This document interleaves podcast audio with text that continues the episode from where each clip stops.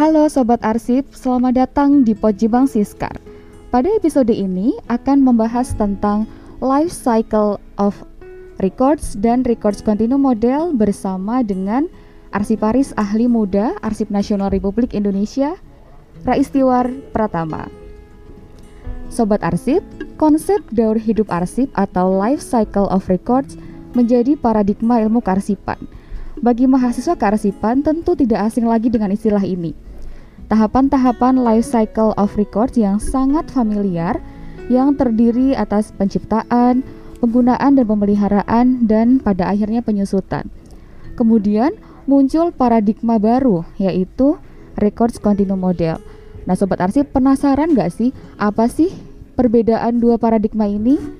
Sudah hadir bersama kita Mas Rais Tiwar Pratama atau akrab disapa Mas Rais Selamat datang Mas Rais Terima kasih Mbak Dinda Iya akhirnya ya Mas Rais Akhirnya setelah Setelah berbulan-bulan sudah mengatur jadwal tapi tidak ketemu-ketemu ya, Mas Rais tadi uh, pembukaan sedikit tentang life cycle of records yang pada saat saya kuliah itu justru yang saya ketahui malah sebutannya life cycle of archives gitu. Yang betul itu sebetulnya life cycle of records atau life cycle of archives, Mas Rais. Oke, itu pertanyaan pertama ya. Iya. Jadi sebenarnya tidak ada yang tidak ada yang betul atau salah ya dalam konteks penggunaan kata archives atau record. Karena sejak 1922 lah sekurangnya ketika Hilary Jenkinson menulis buku itu A Manual of Archive Administration mulai ada pemilahan antara record dan archives sebelumnya enggak gitu karena tradisi kearsipan dan ilmu kearsipan berkembang mandiri di Eropa terutama di Prusia atau Jerman lalu ke Perancis dan oleh Belanda menjadi satu ilmu yang benar-benar mandiri. Nah setelah itu barulah masuk fase yang kita sebut sebagai terjemahannya enak banget ya, daur hidup gitu ya.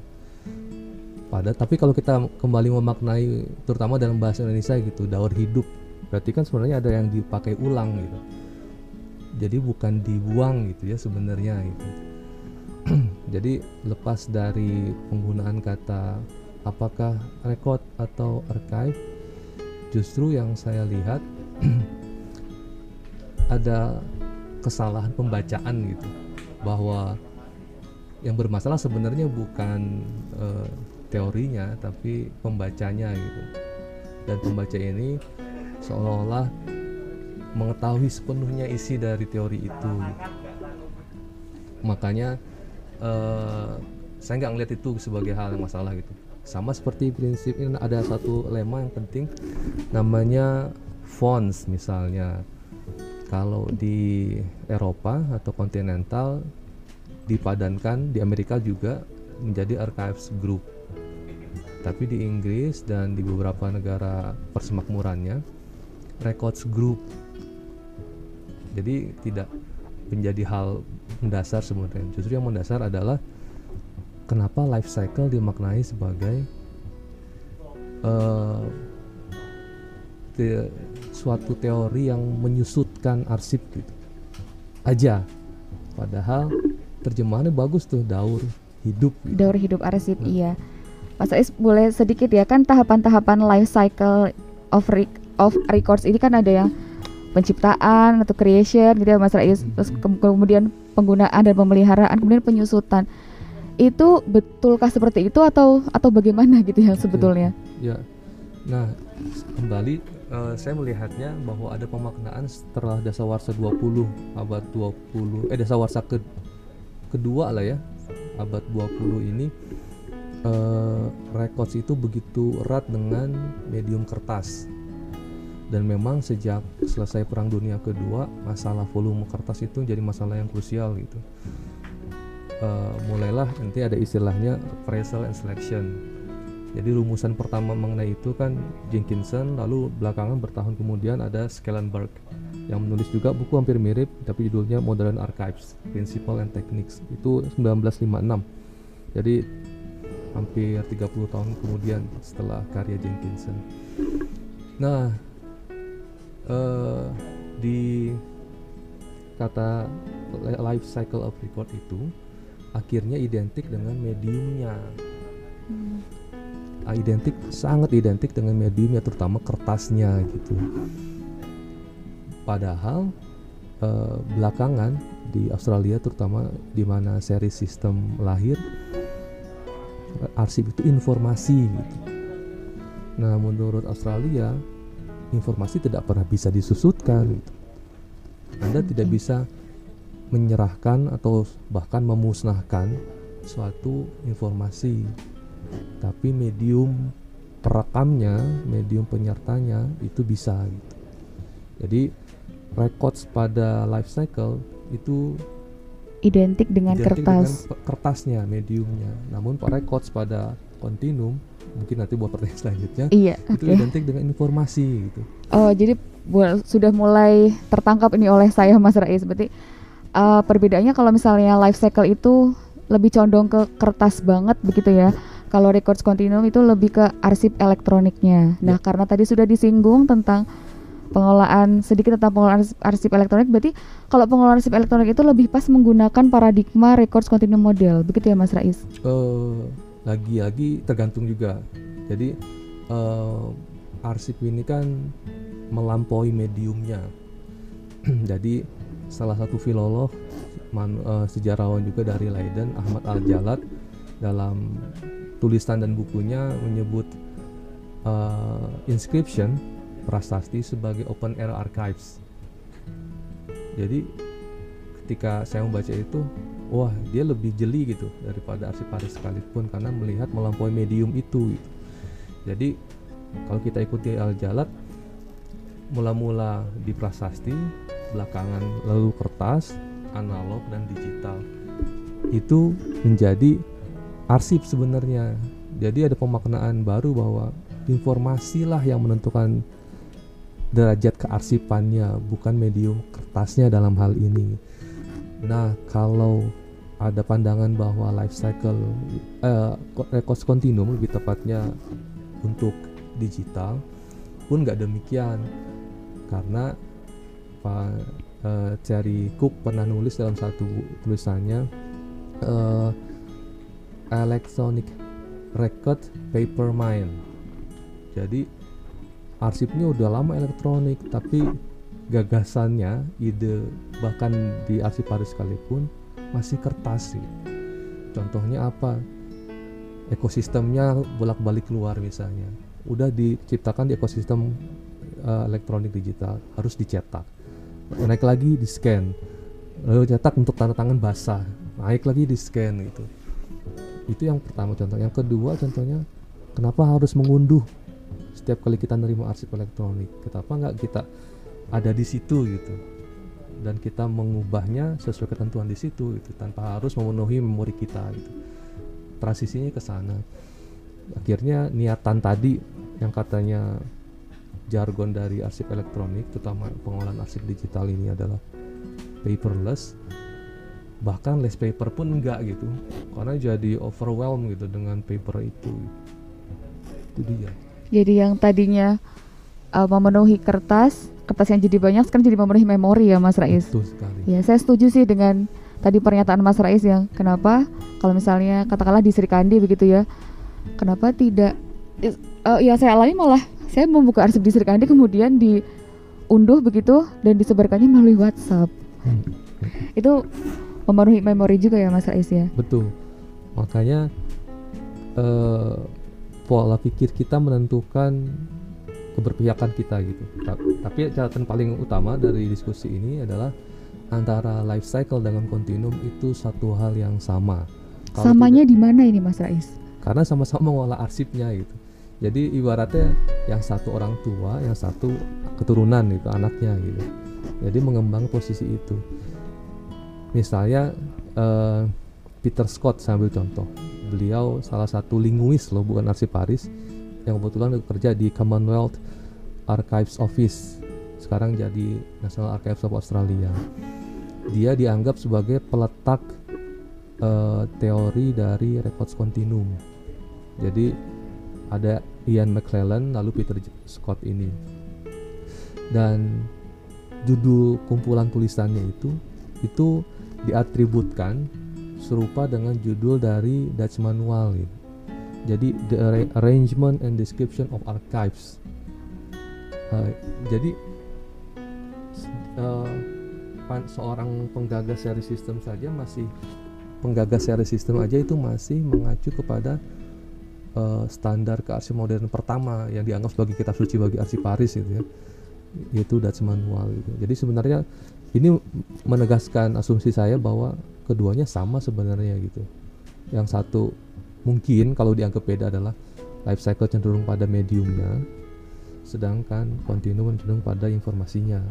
Yang kedua ternyata penggagas dari seri sistem ini Peter J. Scott ini mengatributkan atau menya dengan keterkaitannya dengan karya monumental dari manual ini gitu bahkan judulnya sama sekali persis sama gitu dan yang menarik menggunakan kata archives archives ya tidak records ya? tidak record. Karena kalau di Australia sepengetahuan saya selain selain frasa record keeping untuk archives mereka lebih condong menggunakan kata archival record. Jadi bukan archives itu jadi kalau kita membaca beberapa karya tulis mereka sebenarnya nggak nggak ada masalah gitu nggak ada yang beda gitu cuman, tidak ada yang beda cuma ya? disesuaikan gitu. Oke siap. Mas Rais ada titipan nih pertanyaan dari para mahasiswa kearsipan ini. Waduh.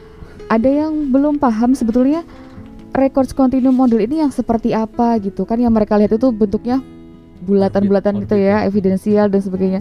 Boleh minta eh, dijelaskan Mas Rais tahapan-tahapan pengelolaan arsip itu menurut records continuum model itu bagaimana gitu jadi kalau kita ngelihat orbitnya itu ya bagian yang berbentuk orbit dengan empat dimensi bahkan sekarang Mbak Lisa Gibbons itu bikin jadi lima orbitnya.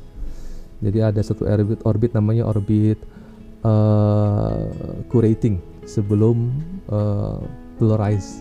Jadi sebelum orbit terakhir keempat ada satu orbit yang sekarang menjadi orbit keempat menggantinya itu curating kurasi.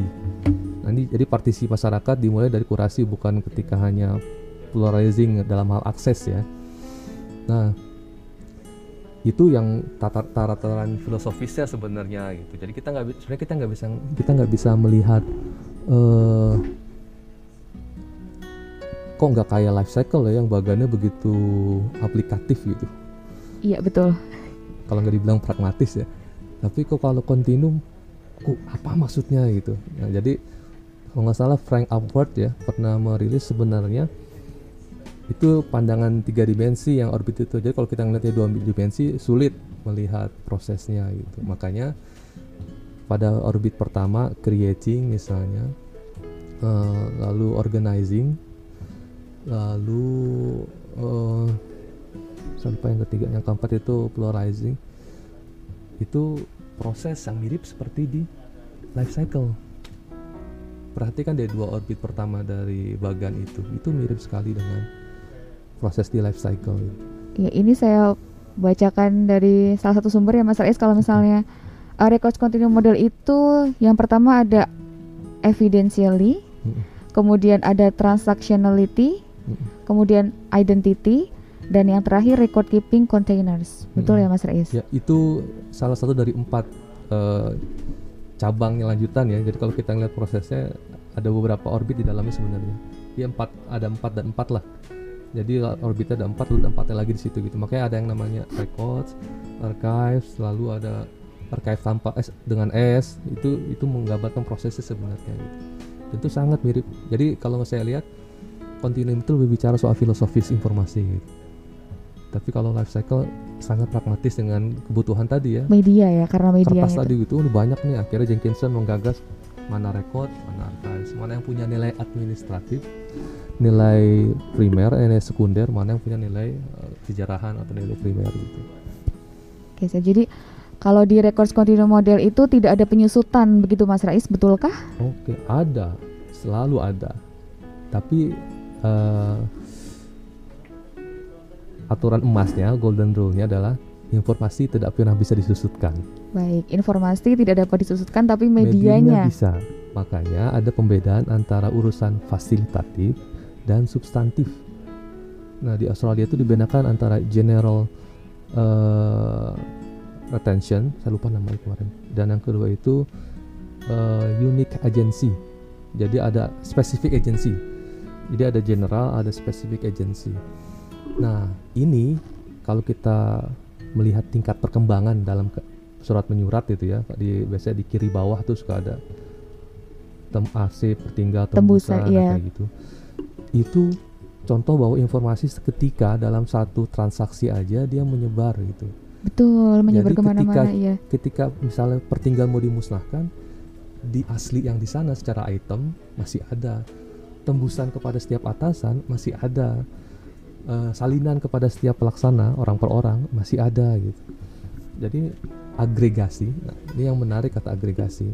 Misalnya kalau kita bicara SPBE kita nggak bisa bicara wah ini pasti gagasan info gitu beratus tahun kemudian di ruang baca mungkin ada mahasiswi atau mahasiswa sejarah yang datang wah khazanahnya eh fonts tentang SPBE pasti ada di Kominfo saja. Padahal enggak gitu. Ada Andri di sana, ada Menpan RB di sana, ada BSSN di sana gitu. Jadi kalau ad, bahkan ada persekongkolan misalnya salah satu agensi menghilangkan arsip SPBE-nya, surat menyurat dia, korespondensi dia dengan agensi yang lain itu masih ada gitu. Jadi sayangnya memang lagi-lagi kembali ke pembacaan kita yang cenderung kalau nggak dibilang salah mungkin tunggal ya satu gitu. Membuat kita mengandaikan bahwa oh kalau kereta api hanya punyanya departemen perhubungan misalnya padahal KAI enggak gitu. Ada hal-hal yang seperti itu jadi yang yang berlanjut informasinya ya yang berlanjut informasinya dalam dalam informasi substantifnya ya terutamanya baik itulah pendengar tadi uh, sekilas tentang life cycle of records dan records continue model. Semoga mencerahkan ya dan semoga menambahkan uh, pemikiran-pemikiran uh, untuk diskusi selanjutnya. Terima kasih, sampai berjumpa kembali di Pojibang episode selanjutnya.